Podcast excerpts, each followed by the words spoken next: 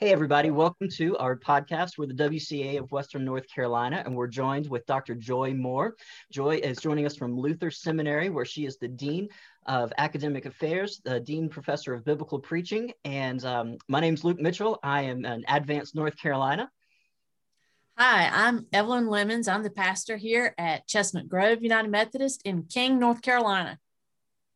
And I'm Andy Lambert. I'm the pastor at Oak Ridge United Methodist Church in Oak Ridge, North Carolina. And I think I am up with the very first question.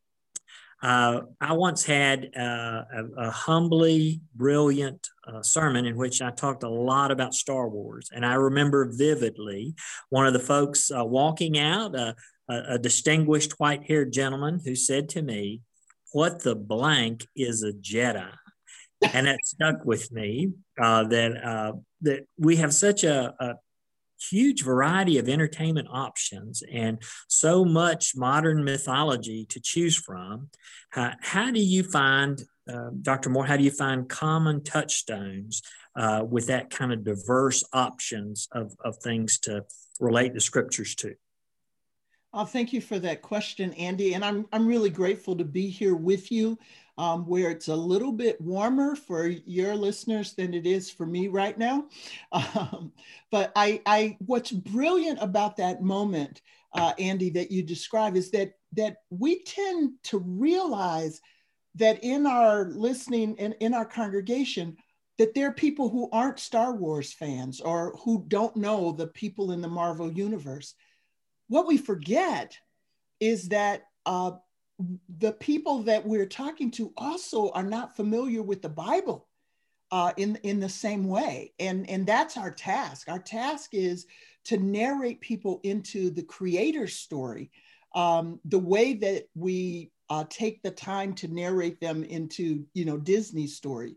I, I once had a student who was a youth pastor and uh, she said she had this uh, ice breaking uh, uh, activity that she did with her with her youth group where she would have them uh, put a name of a bible character uh, on their forehead.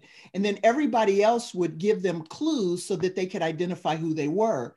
And she was amazed that the students genuinely had no idea who Daniel was, who, jo- uh, who um, Joseph was, um, because we've gotten away from um, telling the story so that the characters are identified, and we've moved to simply giving the principles and the rules. And so we no longer know who the biblical uh, persons are or the order in which uh, their their their events and lives happen. If if I take a little bit longer to say, um, I actually asked one of my seminary classes, why is it that Moses did not utilize the leadership strategies of David?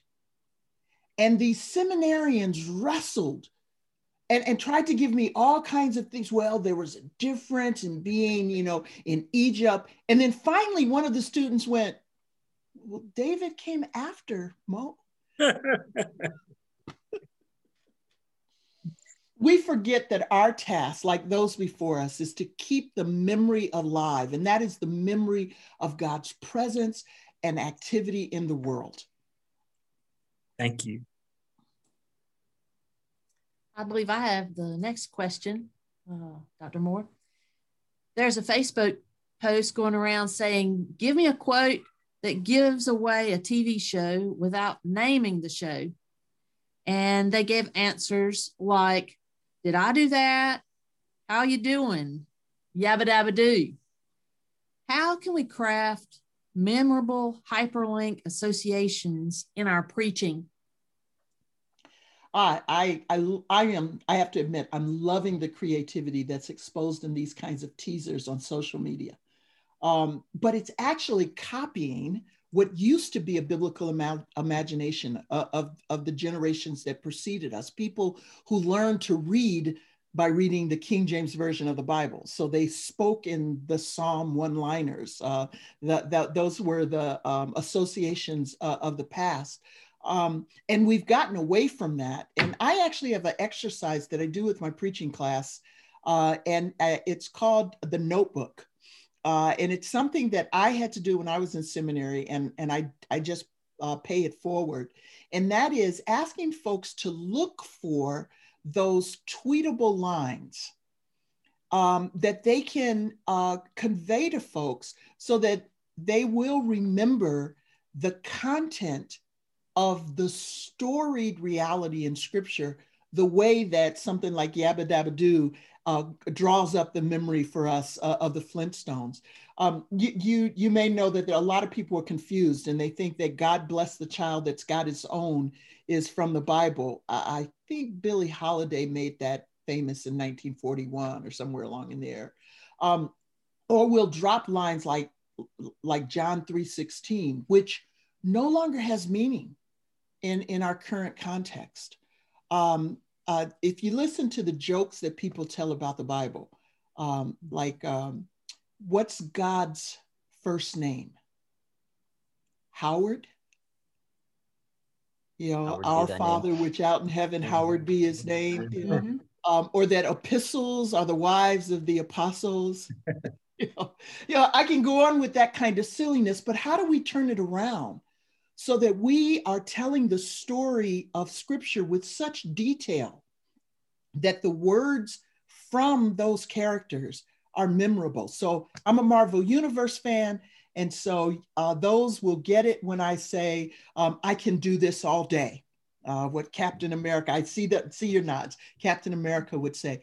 People need to have a context for understanding why, for example, the conversation that Jesus had with the Samaritan woman was so significant that she realizes that this is a teacher and she shifts the conversation. I, I, get on an airplane and people find out that I'm a, a religion professor or worse yet, a preacher uh, and they begin to get, you know, they clean up their language, no more swearing, you know.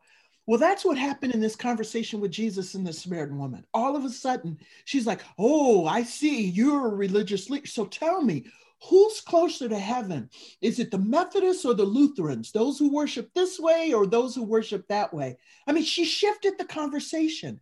We need to tell that story with its particularity so that that one line shapes the way people read the world rather than the world's one liners shaping the way we read scripture. Mm. Evelyn, I love that question for that very reason. What are the one liners that we can pull out? You know, we know the one from Esther. Um, uh, uh, who knows, but you have been called for such a time as this. Um, but um, how many people get that Eve's first encounter was a Parseltongue moment. Mm. Now, now, you got to be a Harry Potter fan to get, yeah. But you have to know the Bible to realize, oh my gosh, that's true. Mm. Her first encounter that got us in trouble was with the serpent. And all of a sudden, you recognize that what J.K. Rowling wrote actually has a little bit of a biblical imagination on it. Mm. And Christians don't know enough of a Bible to recognize that. Mm. That's on us preachers. Yes. Yes. Wholeheartedly agree. Thank you. Thank you for that question. Well, and uh, your uh, Parseltongue, um, I love that. I'm just, I'm going to borrow that. I think that is brilliant. Um, it leads into my, my next question, and that is that uh, often I'm trying to find examples within modern culture that really lend to the biblical story, to the biblical truth. But I'm also looking for the kind of the Hollywood anti-heroes, the archetypes that don't point out the solution, but really point out the hunger and the brokenness. So how, how do you do that in preaching? Uh, Andy, I really appreciate your attentiveness to that because we've gotten to the point where we're more interested in the destination and telling people what they have to do rather than the process of transformation, which is inviting them on a journey. So, for example, when we talk about the disciples, they spent three years close up with Jesus and didn't get it. Mm-hmm. Right? Okay. Uh, and and So when we talk about the disciples and we quote them from the red letters or the portions around the red letters of, of, of our Bibles, what we need to do is not just point out where they got it right, but point out that they were on a journey with Jesus and that Jesus, like God, was incredibly patient mm-hmm. with their stumbles and their questions and their falls and their failures. And then when we tell the story like that, people will be drawn in just like they're drawn into a Hollywood story. When I was in Southern California, I, I had the privilege of, of teaching in Fuller. Uh, and, uh, and so one of the um, things I had the opportunity to work with was a woman who writes for Hollywood. Mm-hmm. And she told a bunch of theologians this. She said, and she's she makes no pretense of being a believer. She's not a Christian. Um, and the way the church has treated her, I understand why she would turn her back, not on Christ, but on the, the people who say they follow Christ. But that, that's another story. But what she said was this she said, when, when the Hollywood people are receiving a script, one of the things they're looking for is the moment of redemption. And this is what she said to us that's the language Hollywood uses. Hollywood uses Christian language to find an excellent script. Hmm. What is the moment of redemption? Now, if you think about all the movies you watch, what are they? You get introduced to a character and then you find out what their journey is, what it is they're seeking, what it is they need, what it is they need to fix and we're drawn in to the journey. And Hollywood doesn't end its movie by putting up these lines that say, Now, how are you going to go out and live? What lesson did you learn? They don't do that. What if we didn't end our sermons with, Now, next week, go out and do this? But instead, just slowly told the story that caused people to lean in and say, what's going to happen next? Hmm.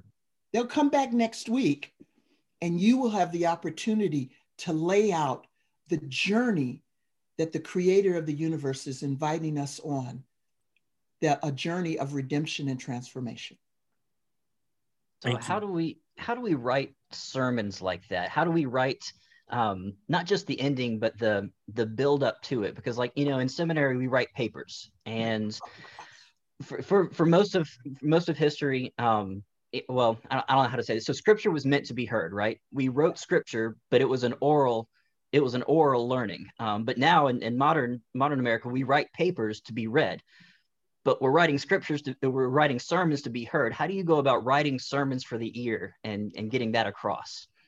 Oh, Luke, wow, that is so important. How do we recover that?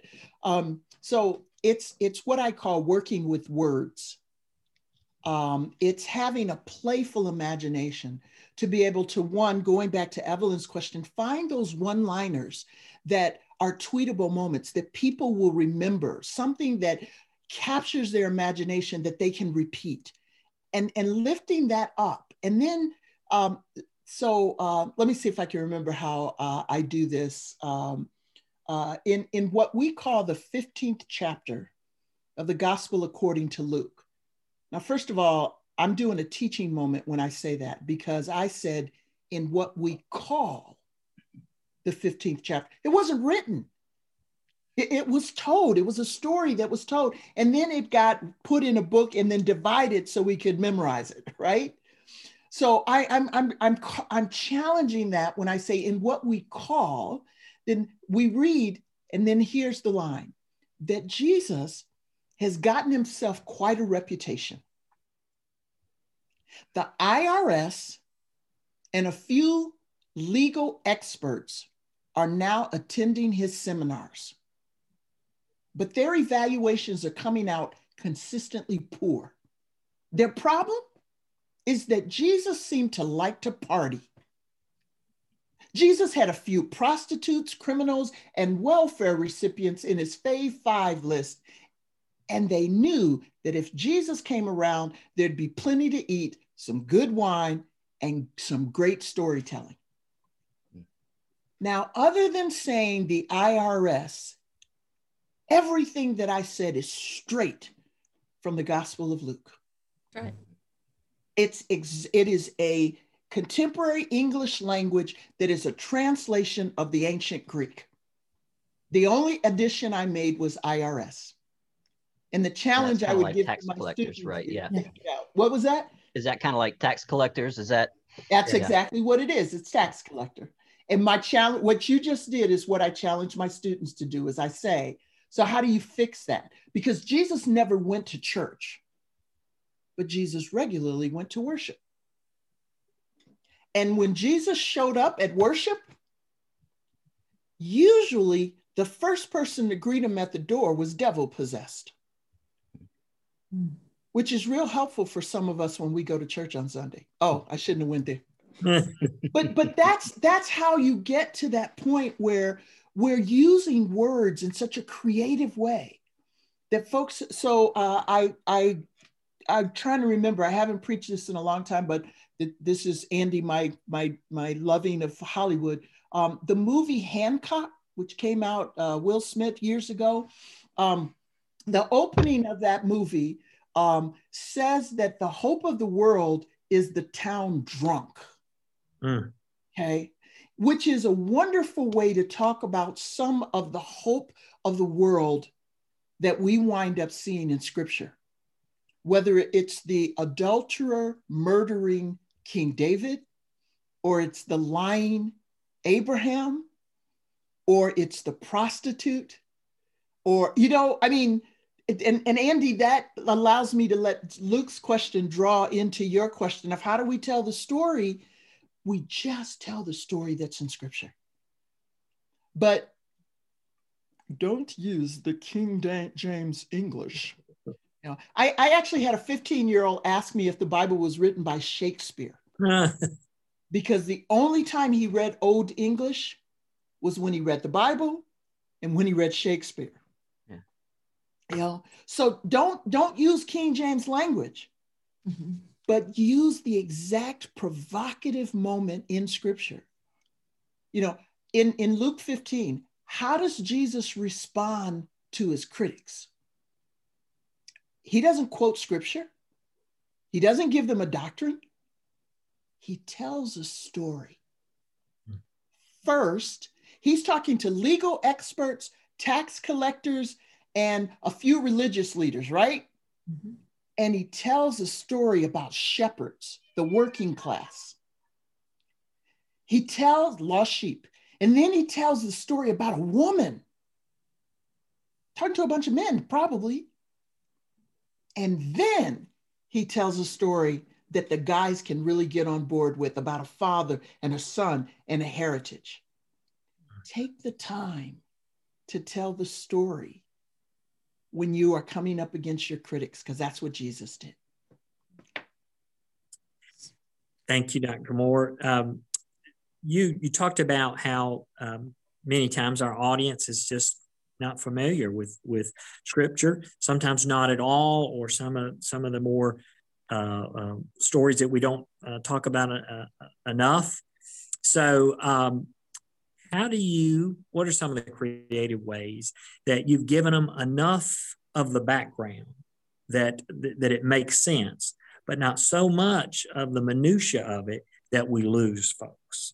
So, what are some of the creative ways? Like if you're going to preach on Esther, before you get to such a time as this, you know, do you do you have to give them the whole story, or are there, you know, how, how do you do uh, work that in creative preaching? I give them the whole story. Hmm. So, but how I give them the story is in the text. So using using uh, Esther, um, I start one of my favorite sto- uh, sermons about Esther begins by saying, um, um, I think it's the the verse I repeat is, uh, and so uh, Esther invited them to a banquet. I, I can't remember the exact exact line, but I repeat that after the reading of the text, and then I say, the Bible is filled with many scenes where powerful men encounter equally powerful women. And I talk about Adam and Eve, Abraham and Sarah.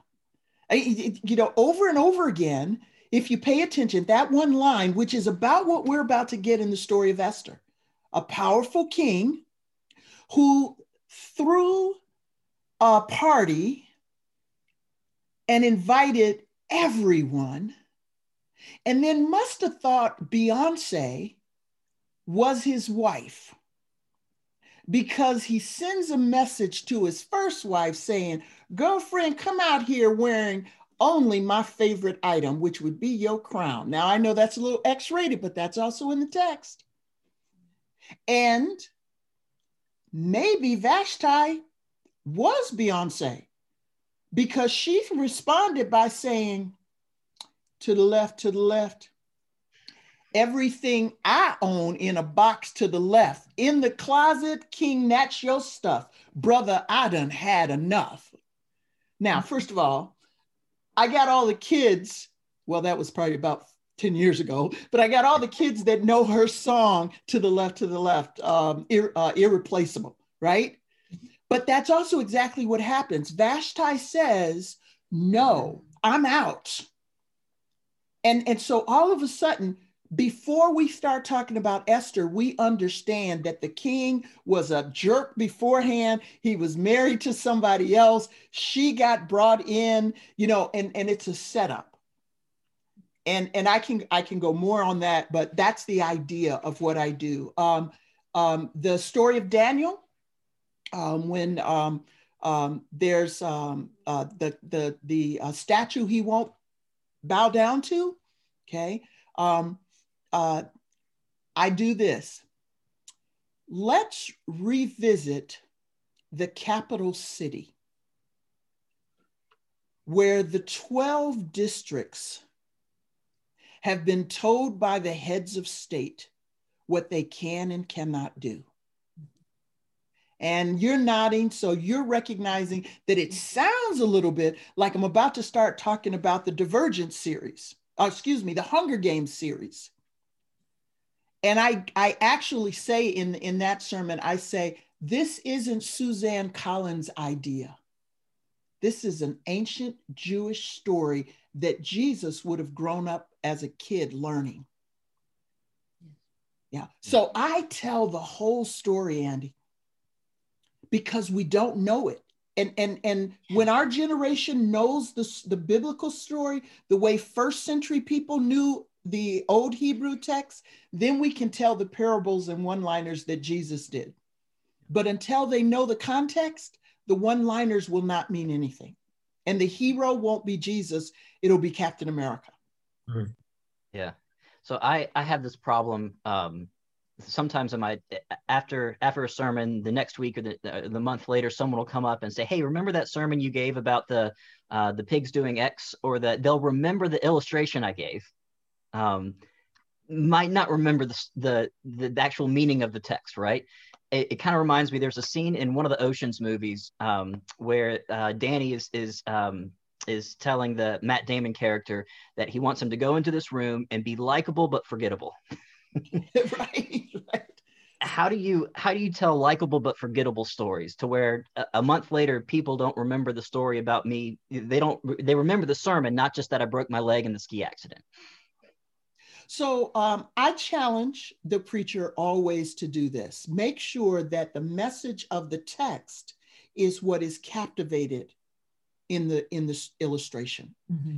Um, the more we use ourselves in the illustration, the, the more we elevate us because people like us. Um, so when I'm doing an illustration, I like to tell a story about the community. I, I like to tell the story about uh, an ancient, uh, not an ancient, but a historical Christian congregation or Christian person leader, uh, so that I'm teaching that we are part of a journey with a great crowd of witnesses that are sitting in our congregation that are 100 years old and that are 6,000 years old. It's, it's tying all those together. Um, but then choose that story, that illustration, so that you actually can tell the scripture without the illustration, which is what I did in the examples I used before. So the 12 districts, the 12 tribes of Israel. So I don't have to say, let me tell you about the Hunger Games. I've used those words from what would have been my illustration to tell the story of Scripture. And that means that people leave with one story vividly told, that the language that is used, the words that are chosen are those one liners where suddenly they can say 12 districts, I, I mean 12 tribes. They correct themselves to get the details right because you've lingered so long in the story. Now, uh, there's an illustration that I've been remembered for. I stole it, and that's also the problem of the best illustrations. I stole it from uh, Harold Trulear.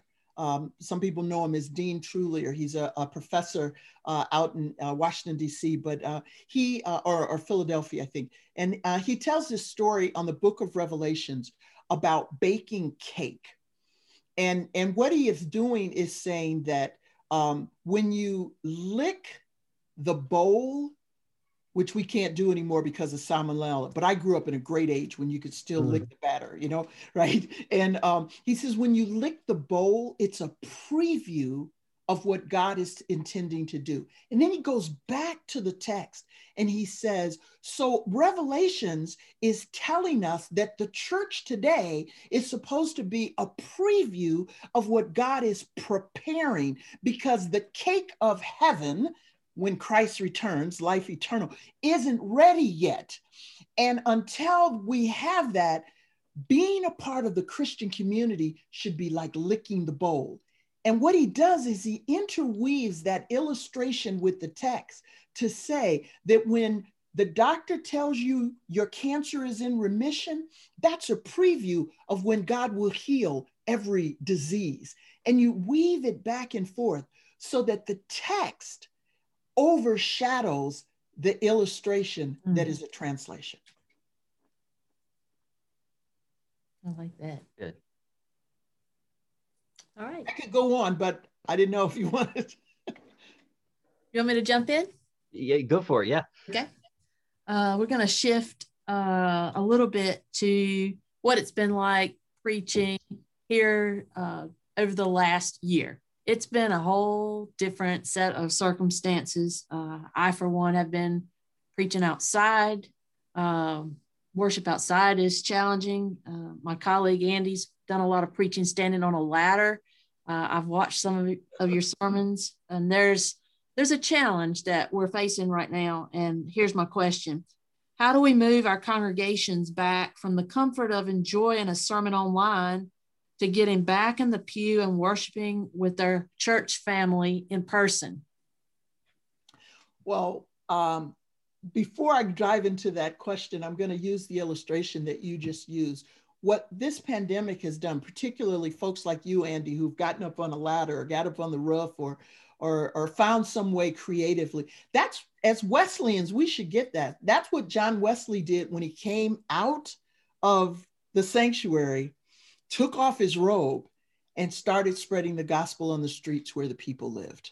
That, that's what this pandemic has forced us to do. It's forced us to go into a different mediated sanctuary uh, online. I believe, and maybe this is just because I'm one of those people who literally on March 13th will have been in my house for a year. Mm. Most of us have been pretty much quarantined for coming up on a year. Uh, maybe a few excursions out for the grocery store or a couple of times when our churches were available, but mostly we've been locked down for coming up on a year. I believe folks are going to want to come mm back to community. So if your message is captivating and it's about God, mm-hmm. then the fact that people want to be in community will draw them back together. And then you tell them that God is and that God is good and that God hasn't given up on the world. And that's good news. Yes. And you draw them into the story, and they'll say, I'm coming back next Sunday because I want to hear the rest of God's story. And I'm tired of sitting in front of the television watching reruns of the Marvel Universe. Mm-hmm. I, I really, I really believe we will miss the moment if we don't pay attention to the fact that folks want to be in community again. And I have to confess, Princeton Seminary did a, um, a, a, survey about 15 years ago, and they asked people, Why do you come to church? And to my chagrin, it wasn't because of the preaching. But to really, to my shock, it wasn't because of the choir. The reason people come to church is because of the community. Mm. And the challenge for us as people are able to return is are we bringing them to a civic community or to the transforming Christian community that Christ calls us to be? All right. I love that. Thank you. Sure. Um, a little bit along the same lines, another question. Uh, for pastors who are helping congregations recover and come back together after COVID, is there something that you would like to say to pastors who are facing so many challenges facing the church at one time, particularly as that relates to preaching? Mm-hmm. We we have to own that everybody's tired. Um, start with being honest to your congregation to say, you know, this has been hard on them. Uh, taking care of aging parents while raising and teaching your children, dealing with teenagers or middle aged kids who are young adults and still need care, but they're old enough to be out on their own. A job that didn't understand that you were trying to do a job that shouldn't be done online, online while in this house, dealing with it. And then, oops, you've got the sniffles and you don't know, are you infected? You know, it, you know, the politics that we've been watching on the news, the fact that we can't talk with family members, just name for your people the reality and then name the fact that you're there too that you're on this journey that we we aren't we haven't been cloistered in some monastery just waiting for the doors of the church to be open. We've been trudging along you know just like everybody else. We have got the wilderness desert dirt on us you know and and then start there. And then i hope that during this season that what the leaders and i say leaders because it's not just the preachers it's the worship leaders it's the the the staff that's been creating curriculum for the sunday school uh, for the children um, you know it, it's all the leaders in the church i hope that all of us have found a way to connect again with god as the source of our strength mm-hmm. as the source of our hope and to be able to say i'm glad we're back together so that we together can gather to hear the stories of how God once again has shown up and shown out for us. And that might be what I would testify to. My 80, uh, two weeks ago, I celebrated my 87 year old godmother's birthday. And it was a, a Zoom event from of over 80 people from around the world because it was Zoom. And I found out that she, who's got she's an African American um, who's diabetic with all kinds of end of life issues as a reality. She got COVID, as did her caregivers and her daughter and son in law, who she's living with. And by the time of that birthday party, they were all over it. Now, I'm, I'm sorry, doctors, but that's just God. Mm-hmm. And I'm going to tell that story. And, and that's where God showed up and showed out again. This isn't about a God who turned water to wine 2,000 years ago. This is about a God who answered the prayers of my 87 year old godmother, who was my sixth grade Sunday school teacher and is part of the reason I'm a preacher today. Mm-hmm. That, those are the stories we can tell on the other side. yes. On the other side of COVID. And to tell it Our hope isn't in the government. Don't be distracted by that. I don't care what side of the political divide you're on. Our hope is in God. That's right. And we are the only people who are committed to telling the story of the God made known in Jesus Christ. Yes, Let's Lord. do it. Yes. Thank you, Lord. Joy, we have had a great time having you with us and um, hope the, the dry cough goes away soon for you. Um, you know, as we as we look towards the future of um, our Methodist movement, what is mm, what is your hope? I'll, I'll wait. Thank you. Yep. Well, Joy, we have loved having you on and um, hearing your insights on how to creatively preach and, and tell the story of God. Um, what is your hope for the future of our Methodist movement together?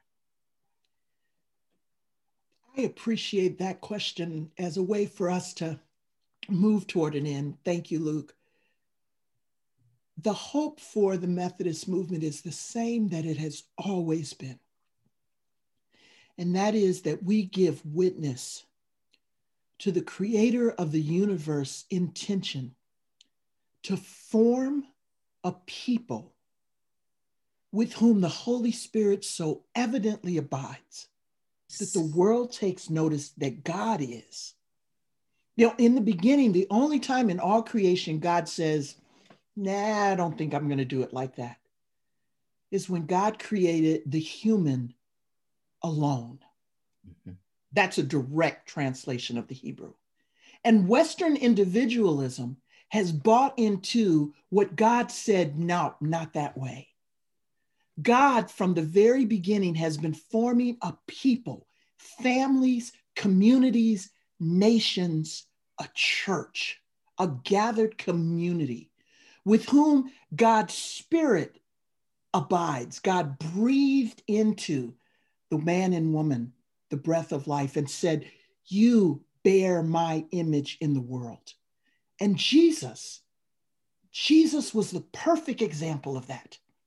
What it means for God to dwell among us in human flesh. And so if we're Christ like, if we're Christian, that's what we do. That's what John Wesley spread. It was scriptural holiness. It was a called out community that showed the world that there was something better than the caste system and the class system that his England and he saw in, in the creation of North uh, the United States what was perpetuating. I, I recently learned that, that John Wesley said this. He said the Apostle Paul undermined the caste system of ancient Rome and ancient Greek. That, that, that segregation of, of Jew Gentile, of slave free, of man woman, and said, In the name of Jesus, we are one. We are, we are baptized to be what God created us to be, the icon of the creation. The, the Wesleys called us transcripts of the Trinity. I, I say we're divine facsimiles, but that's kind of old school these days. But but the idea is that that the reason we're not supposed to make graven images is because God created the human as the perfect icon of the Holy One.